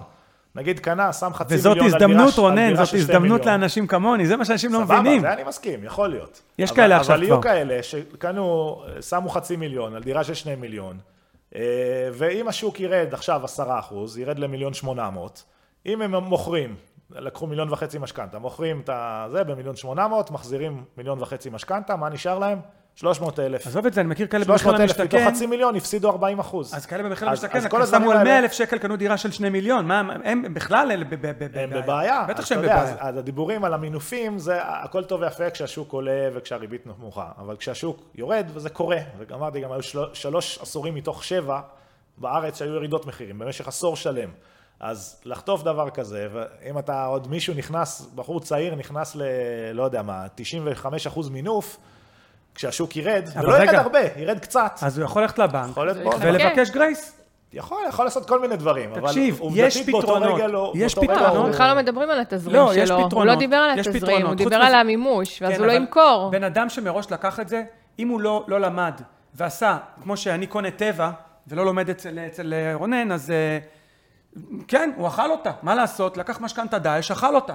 אבל אם הבן אדם למד מימון, לקח יועץ משכנתאות, עשה את זה באחריות, הבין שהוא יכול לעמוד בהחזר, לא רק של 4,000, גם של 5,000, והבין שאם מחר המשכנתה יכולה לעלות מ-4 ל-6 או ל-8 אחוז, והוא גידר את עצמו, זה לא יקרה לו. רוב האנשים, ועוד פעם חוזרים לרוב אבל האנשים, כשהריבית לא עולה עשו את זה. משמעותית, ואתה ממונף כן. כל כך הרבה, זה ברוך. אז הולכים לבנק שלא- ולוקחים גרייס, או. שהם מוכרים דירות בסדר. בלחץ ואני קונה אותם. יכול להיות. רונן הכין אז- אז ומנע... אותו דבר כמו שגם במניות אגב, אם השוק יורד ואתה נשאר ולא מוכר, בסדר, אבל לפחות אין לך חרב על הצוואר של אה, אה, הלוואה שאתה חייב להחזיר כל חודש. אתה יכול, יש סוחר שמשלם אותה, זה בסדר. אז במינוף כזה גבוה זה לא יהיה, אף סוחר, זה תל- לא יהיה. תלוי, זה תלוי, עוד פעם, זה מאוד תלוי. זה כל כך חזק. תלוי. הכל תלוי. אין לי בעיה להיות בתזרים שלילי, הייתי כבר בתזרים שלילי, אני יודע מה אני עושה. רוב האנשים, ופה אנחנו אומרים את זה כל הזמן בשני התחומים, הם לא יודעים מה הם עושים. הם לא יודעים מה הם עושים בשוק ההון, אז הם אומרים, רגע, זה קזינו. שוק ההון זה לא קזינו, הם יודעים מה מה, עושים. בוא נגיד ככה, אני ב-90% מינוף, אני לא רואה מצב שאתה בתזרים... אה, לא, אתה בתזרים היום שלילי גם ב-50 אחוז, זה לא קשור. נכון. אבל אם- אני היום מרוויח סתם 40 ואם אלף שקל, עולה והחזרי המשכנתה וההלוואות 40, עולים, אז אתה שלי נכנס 20, לברוך. אם אני, יש לי יכול להיות חיסכון של 20 אלף שקל, אז מה אכפת לי אם המינוס שלי עלה בדירה מ-5 ל-6? לא אכפת לי. זה יכול להיות. אבל. זה בדיוק העניין, זה נקרא להיות חכם. רוב האנשים, אני אומר את זה, זה בורות פיננסית גם, הם קונים דירה, בוא נקנה דירה. הם, מה, אני, מה, שאני אשלם 9,000 שקל ליועץ? זיבי, מה פתאום? אני אקח, אה, אני אבוא לבנק. הוא בא לפקיד בבנק, הפקיד בבנק, מה מוכר לו? את מה שטוב לבנק. כן, אוקיי. יפה, אז הוא לוקח משכנתה דאעש, הכל צמוד מדד, שני שליש פריים, כי זה מה שאמרו לו לקחת, וחטף עכשיו עוד 2,000 שקל. אבל אנשים נורמליים, כמוני, כמוך, אה, שלקחו שליש בפריים ולא השתגעו גם שהיה שני שליש, פריים- שני שליש פריים, וידעו לקחת את זה חכם, אז לא קרה להם כלום. המשכנתאות שלי, אגב, עלו בממוצע בין 500 ל-600 שקלים, בממוצע למשכנתה. זה כל הסיפור. העליתי שכירויות באלף. אני אפילו מרוויח מהתקופה הזאת. כל הדירות שלי העליתי באלף שקל, בין אלף לאלף חמש מאות שקל. להיות רונן מנה כל מיני נקודות של חסרונות להשקעה בנדל"ן. כן. הייתי כן, ממש שמחה שנעבור? עליהם. ומנגד, המומחה שלנו פה מחזיק. עשרות אלפי דירות, אה, טוב, הגזמתי, המאות דירות, בסוף יגיד, אני אסיים עם חוזה מכר פה, אני אקנה את שלך. ואני אקנה מדדים בכסף שאני אמכור לך. כולנו נלך של- של רונן ונקנה את הדירה שלה. אה, סבבה, אז אני אעבור על כמה דברים, אתה רוצה ש... אני אתן אולי כזה סקירה, זה, כן, ואז. ככה... יאללה. סבבה, אז קודם כל לא יש? עלויות, אנחנו יודעים שיש את התשואת שכירות, אבל משהו שאנשים לא תמיד לוקחים בחשבון, אה, יש ביטוח, משכנתה, ביטוח אה, דירה, כן. יש זה. יש תיקונים, שיפוצים, עניינים, זה, זה דברים שצריך לקחת בחשבון, בדרך כלל זה כאילו מהצד, אז לא, לא מכניסים את זה למאזן ולאקסלים ולא רואים את זה, כמה זה מקטין את התשואה. סתם נגיד, לא יודע, מחזיקים דירה 20 שנה. לא נעשה מתישהו שיפוץ ב-100 אלף שקל, אולי זה אוכל לנו... לא, יודע, זה דירה להשקעה, זה ההבדל בין דירה להשקעה למגורים. יכול להיות. במגורים כל חמש שנים. אתה שם 100 אלף שקל, זה ההבדל. אבל זה לא למגורים. כדי ככה, זה גם... זה תשאל את קצת אשתי. לא, תשאל אני את לא אשתי. מכירה אנשים שכל אה, חמש שנים משפצים את הדירה את אשתי. בחמש... תשאלי את אשתי. ב- תשאלי ב- את אבל בוא נגיד, לטווח ארוך, דירה, זה בטח קנינו ישנה וכולי, מתישהו כנראה נצטרך לעשות שיפוץ, וזה יעלה לנו. איזה שנה או שנתיים של שכירות אולי. אה, אבל גם אם לא, אז נעשה פה, ושם נחלפנו אמבטיה, לא נעשה את הכל בבת אחת. אבל אה, זה עדיין בכל מקרה עלויות שמקטינות את התשואה.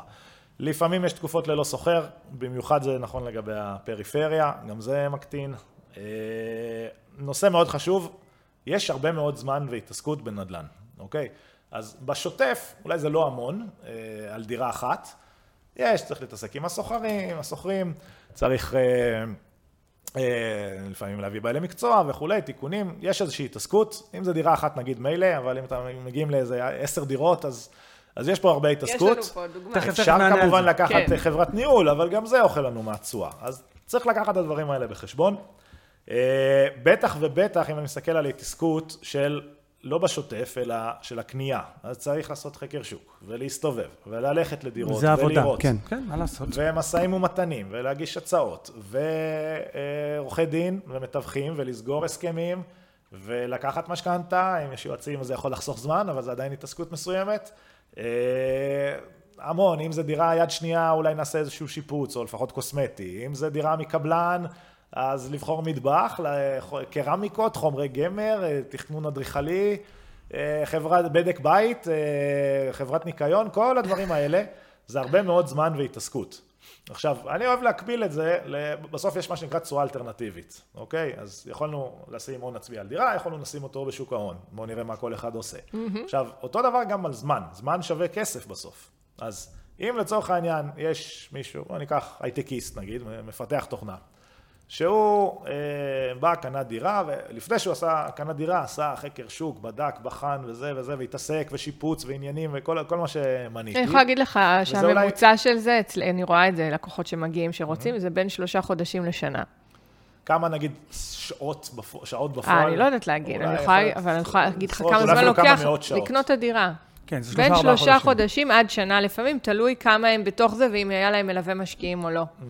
אז נגיד, לא יודע ככל מה, שאתה לוקח מלווה משקיעים, אתה סוגר עסקה הרבה 200 יותר. מהר. יכול להיות שהקדישו לזה איזה 200 אני שעות לא אולי. יודעת למנות את לא זה בשעות. סתם אני זורק. זה בערך 120 שעות. יכול להיות. בחישוב, אני כבר מכיר. שמכיר, בין- מי בין שפחות. 120 ל-150 אוקיי. שעות כדי לאתר דירה, כן. לאתר, אבל גם אחר כך שיפוץ ועניינים. אה, לא, הוא זה מדבר על כל התחזוקה. השוטפת. עוד לפני התחזוקה השוטפת, כל מה שצריך ברכישה, אה, כולל אה, זה, כולל אחר כך 120 למצוא שעות, כולל הכל. שוכרים. לא, 150, נעשה את זה, כי אני אוהב תמיד. אני, שלא יהיה אז ככה. לוקחים הרבה, את כל השעות האלה. אם אותו, נגיד, מפתח תוכנה, לוקח איזה עבודה מסוימת כפרילנס במקצוע שלו, באותם 150 ונגיד שהוא, שעות. שהוא השקיע זמן וזה, ובאמת הוא מצא משהו, הזדמנות יותר טובה. אז הוא שיפר לעצמו, הוא השיג יותר מהממוצע של נדל"ן, אוקיי? אולי אפילו הוא עקף את תשואת שוק ההון, נגיד.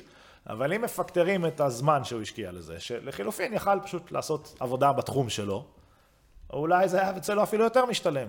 או עזבי עבודה בתחום שלו. אבל היה אם- אם הוא קנה- יותר, אם- היה אבל- לא מנצל חופשות אצל המעסיק שלו, ופודה את הימי חופשה בכסף. רגע, אבל אם הוא קנה עכשיו, אה, והנה אני אתן לך דוגמה מעכשיו, הוא קנה דירה ששווה מיליון, שווה מיליון 750, הוא קונה אותה במיליון 700, אבל היא 88 מטר, הוא הופך אותה ב-100 אלף שקל לארבעה ומוכר אותה בשני מיליון. בסדר, שאתה- אתה יודע, יש כל מיני טריקים והוא עושה את זה בתוך לדבר. חודש וחצי, את כל אה, הסיפור הזה. יכול להיות, בסדר. נו, אז אם הוא עשה, מצא דיל, חבל. זה לא מצא, זה מייצר, הם לא מוצאים, אי אפשר למצוא את הדילים האלה, מייצרים את הדילים האלה. אוקיי. בשביל זה עושים חקר שוק, תכף אני אענה לך, אני רוצה. לדבר איתך על זה בנפרד, משהו אחר, כי זה- נקודה אחרת. תכף אני רוצה לענות לך, אפשר לענות? זה- יותר, אז רגע, דקה. אז פשוט יש את כל העניין הזה של ההתעסקות, הוא שווה הרבה מאוד אה, זמן.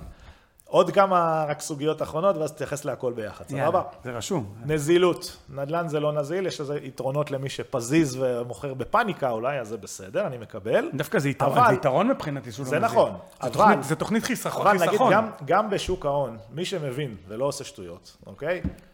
אין כמעט תרחיש שהוא יבוא וימכור שתי מיליון שקל ככה בבת אחת. אלא אם כן זה לקנות דירה, אולי, אבל כאילו, אין תרחיש כזה. הכסף בקירות, בנדל"ן. ובשוק ההון, אתה יכול להגיד, אוקיי, אני צריך עכשיו 100 אלף שקל, אתה יודע. לקחת אותם. אני רוצה לתת מתנת חתונה לילדים, אני רוצה טיול ארוך בחו"ל, אני צריך פה 50 אלף, 100 אלף. מה הוא יעשה בדירה? ימכור אה, חלון? כאילו, אין... אה, זה בעיה בקטע הזה. נביא איזה סטארט-אפ לעניין הזה. עוד סוגיה חשובה. נביא את גיל שייקח 50 אחוז מהדירה. למכור אותה piece by piece. לא יודע כמה זה משתלם לזה, לגיל אולי זה משתלם, כן. אבל אה, בסדר. אוקיי.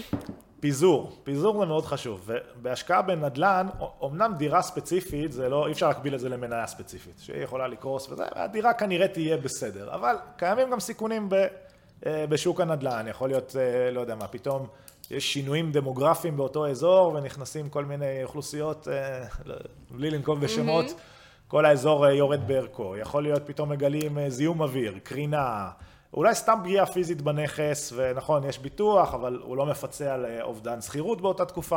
יכול להיות כל מיני בעיות על הנכס הספציפי. עכשיו, אה, מי ש... אפשר לפתור את זה לפחות חלקית עם פורטפוליו כזה של הרבה דירות.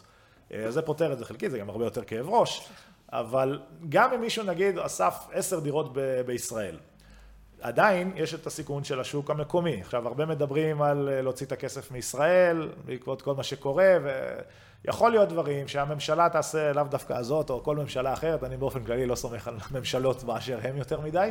אה, יכולים לעשות דברים שיגרמו למשבר כלכלי פה, ויעלו מיסים, ויעשו כל מיני שינויים.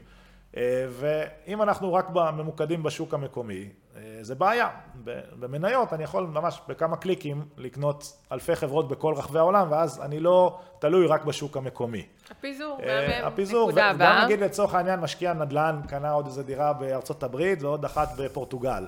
אז אם פורטוגל נכנסת למשבר כלכלי, מה שכבר קרה, אז uh, הוא גם יכול להיות בברוך. Mm-hmm. אז זה לא באמת פיזור רחב. כאילו, אלא אם כן זה מישהו שהוא טייקון ויש לו מאות uh, דירות בכל רחבי, לא יודע, אירופה, ארה"ב כן. וכולי. Uh, וקשה לעשות פיזור מאוד רחב בנדל"ן. Uh, עוד סיכון חשוב זה הסיכון האנושי. אשאל אותך ככה, יבית, את יודעת מה הגורם מספר אחת לגירושים? בגידות? יותר פשוט מזה, נישואים. נישואים מסבירים 100% במקרה הגירושים. אז באותו הקשר, מה הגורם מספר אחת לבעיות וסכסוכים? אנשים, כי מה לעשות, איפה שיש אנשים, יש פוטנציאל לפחות למריבות וסכסוכים. עכשיו, mm. בנדל"ן יש הרבה מאוד אנשים ש... מעורבים. שמעורבים. יש גם את ה... בקנייה, אה, מתווכים, עורכי דין, הקונה, הסוחר. מה זאת אומרת, זה יתרון, אני חולה על זה. שיריבו כולם, זה שאתה אוהב לעבוד עם אנשים סבבה, אתה יודע, אפשר גם לא, סתם להיפגש עם... שיריבו כולם מצידי. שיריבו ויורידו מחיר, הוא אומר. אז זה בסדר, אבל אם זה נופל עליך, ואתה נתקע עם סוחר שלא משלם ומסרב לעזוב, נגיד, זה חתיכת ברוך בישראל. אה, או סתם בעל מקצוע שעשה לך שיפוץ וזה, וברח לך ונעלם, ויכול להיות מלא דוגמאות לבעיות. כשאם אני מקביל את זה לשוק ההון, שוק ההון זה מאוד נקי, אין חיכוכים בכלל, אני לא מתעסק עם אף אחד.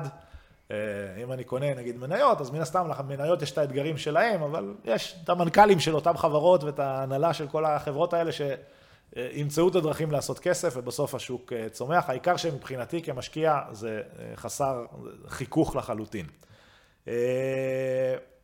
בסדר? תזרימית, יש עוד נושא הרבה משקיעי נדל"ן אוהבים להסתכל על התזרים של שכר דירה, רק מסתכל בתור, על תזרים. בתור יתרון. אני רואה בזה גם חסרונות, אוקיי? קודם כל, שכר דירה שנכנס לחשבון, אין עליו ריבית דריבית. על עליית ערך יש ריבית דריבית, בין אם זה שוק ההון או נדל"ן, אבל על שכר דירה אין ריבית דריבית, זה כסף שנכנס לחשבון. עכשיו, אם עושים עולה. איתו, זה בסדר, אז על, על עליית הערך יש ריבית דריבית. ואתה משלם את המשכנתה, היא נשחקת. אבל נגיד אפילו סיימת את המשכנתה או, או משהו כזה, ואתה... אני אקח עוד משכנתה ואקנה דירה. אחלה, בסדר, בינתיים יש לך דירה שמשלמת תזרים, אז עם ה-4,000 שקל האלה, לא, זה לא קונה לך עוד קצת נדל"ן. אתה צריך לעשות עם זה משהו, אתה יכול אולי לצבור ואחר כך לקנות נדל"ן וכולי. או לקנות ללא הון פעמים... עצמי ולנצל את ההחזרים האלה ולקנות בתזרים שלילי ואני יכול לעמוד בזה. אוקיי, בסדר, אבל בוא נגיד אתה מסתכל על אה, זה בפני עצמו, יש לך דירה ספציפית שכבר סיימת את המשכנתה ואתה מקבל תזרים. אה, הרבה פעמים כסף שנכנס לחשבון, יש לו גם נטייה להתנודף משם. זה קודם כל. עכשיו, אם עושים איתו משהו אחר, כמו להשקיע אה, בעוד דירה או, או בשוק ההון, אחלה, אבל לא תמיד זה המצב. אז זה קודם כל. עכשיו, אם אה, אנחנו גם מקבלים תזרים, אה, נתחיל מזה שרוב האנשים, התזרים הזה בכלל לא נחוץ להם. בסדר? אנשים עובדים, לא צריכים תזרים שוטף, במרבית המקרים. למה? כי אם יש להם כסף להשקיע בנדל"ן, כנראה שהם מצליחים לחסוך, כן? הרי אם, אם לא היו, אם זה לא היה מצב, לא היו מגיעים לשם מלכתחילה. אז מה הם צריכים את התזרים השוטף? זה רק פוטנציאל ליותר בזבוזים, אה, ומעבר לזה זה גם לא יעיל מיסויית.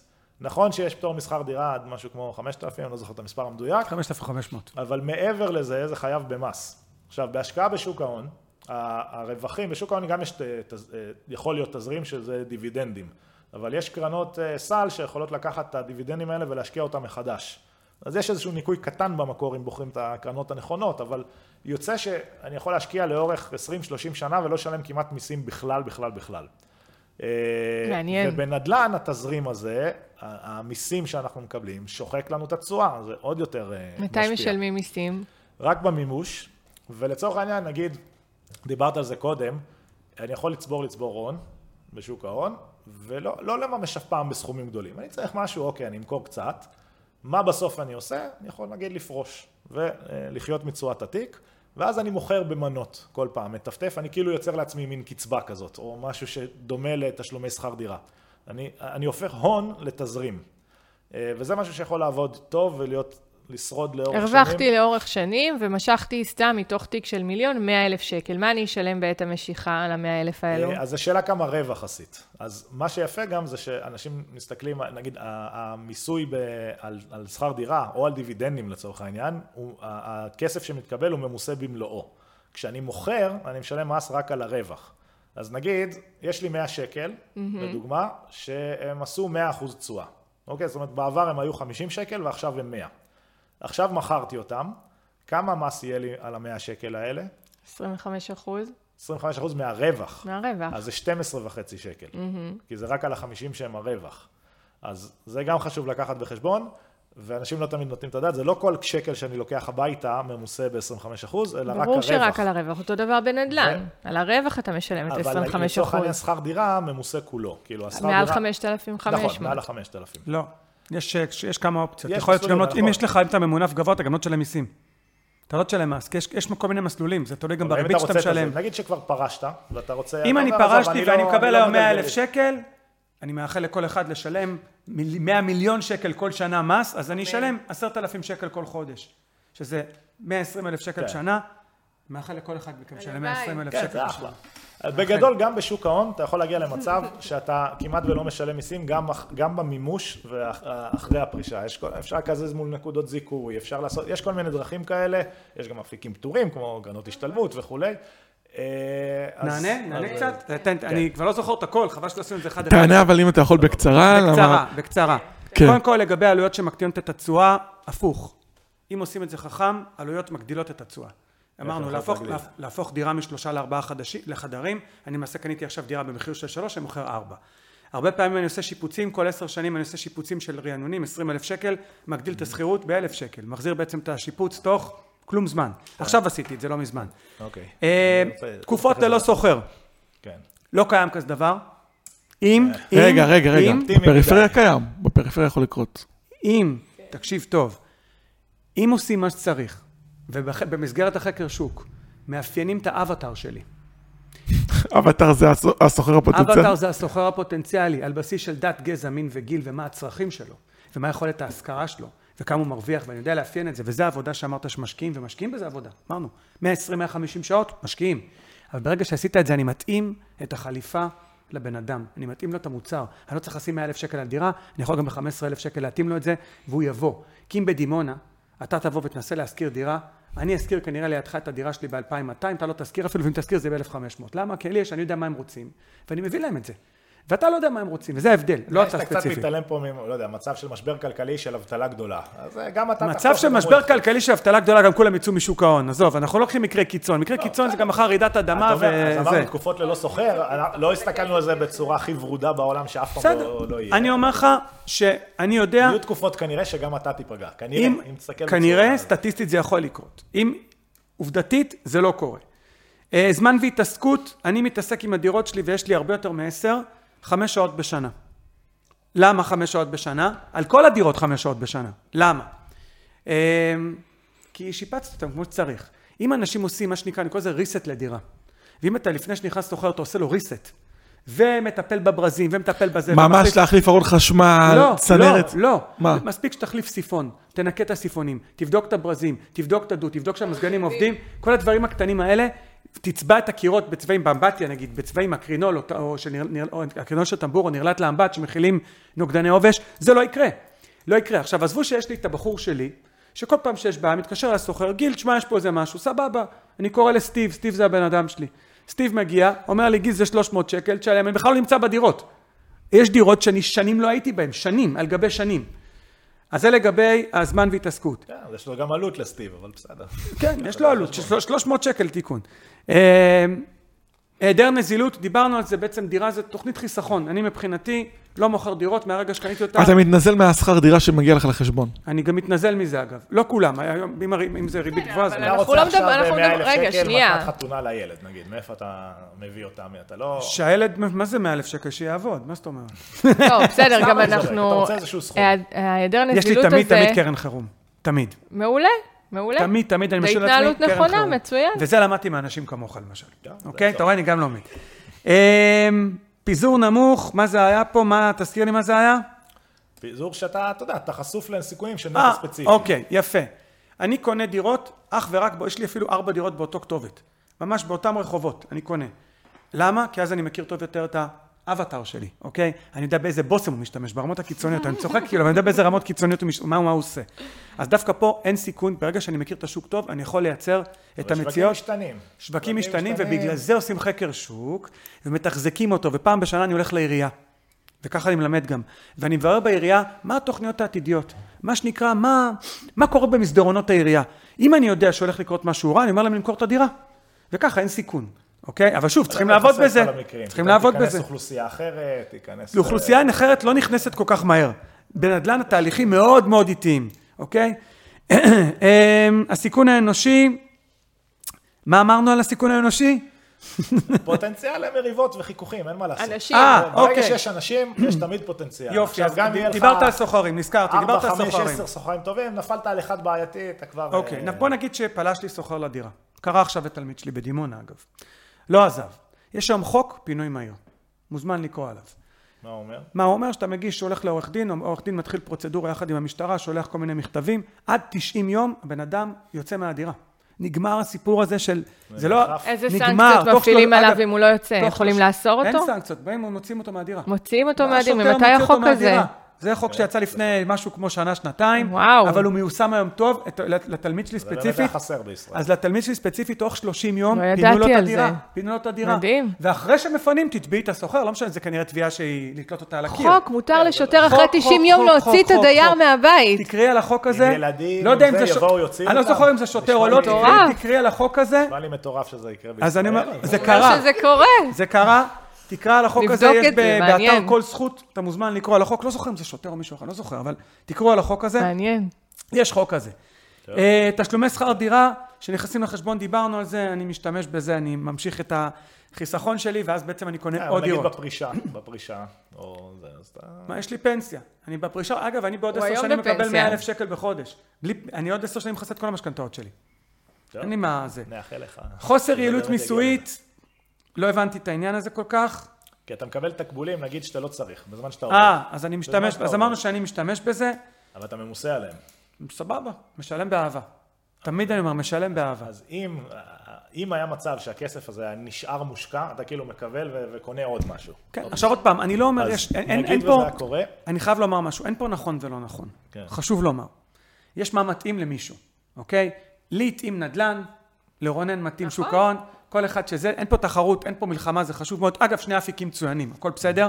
זה ככה לסיכום אני נותן, וזה טוב וזה טוב, אבל, יש אבל.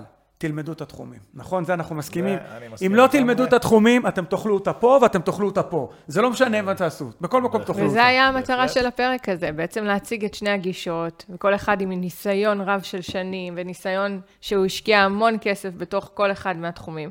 מעניין היה מאוד לשמוע מכם את כל הדבר הזה, אפשר ללמוד מזה המון. אני גם אה, מצטרף לגיל בקטע שהפיזור, לעשות גם וגם, אני רואה בזה אחלה, זאת אומרת, אני לא...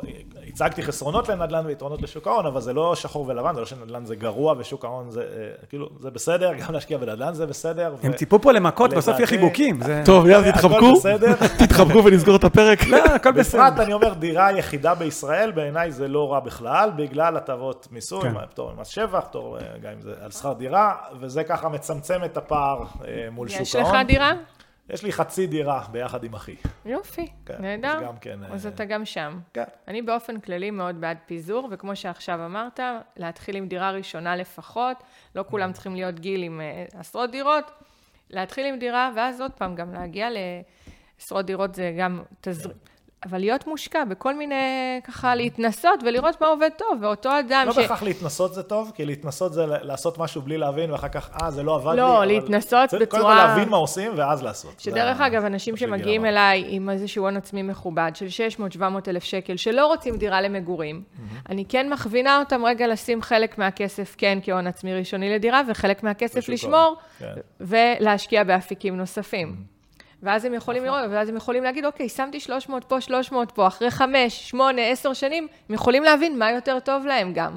אולי שני הדברים עלו באותו אופן, אולי אחד יותר, ואז הוא יגיד, אוקיי, אז אני מוכר את הדירה כמו לא שאתה עשית, אני לא בטוח שזה צריך להסיק ומשקיע. מזה מסקנות על סמך אה, נגיד חמש שנים, כי זה לא, לא זמן מייצג בגדול. בסדר, אבל גם כן. הכל 20 אבל שנה, בסדר. 30 שנה. אה, כאילו, אם הם יסתכלו, במקום להסתכל מה עכשיו חמש שנים קדימה, בואו תסתכלו אחורה, תבינו מה, מה יש בכל דבר, מה, מה אמור כן, להיות הפוטנציאל. שלכם. כן, כן, כבר מאוחר. טוב, חברים, אז אנחנו נועלים את הפרק יאללה, ה- היה כיף. הכי ארוך. אה, לא, ברור שהיה נכון, כיף. היה כיף. היה- היה מצוין. היה מדהים, אז uh, תודה רבה רונן מרגוליס, מנכ"ל ומייסד סימפלי פייננס וקהילת המשקיעים הפסיביים של ישראל בפייסבוק. תודה לכם. ותודה רבה, האיש עם הפטיש, גיל רוזנברג, שכבר בפרק uh, שני אצלנו. כן, הפרק הראשון לא זוכר זה מספר 50 ומשהו. כן, אני גם לא זוכר האמת. כל 20 תקראו לי ככה. נקרא, נקרא. וזהו, אז אה, ימית, תודה רבה.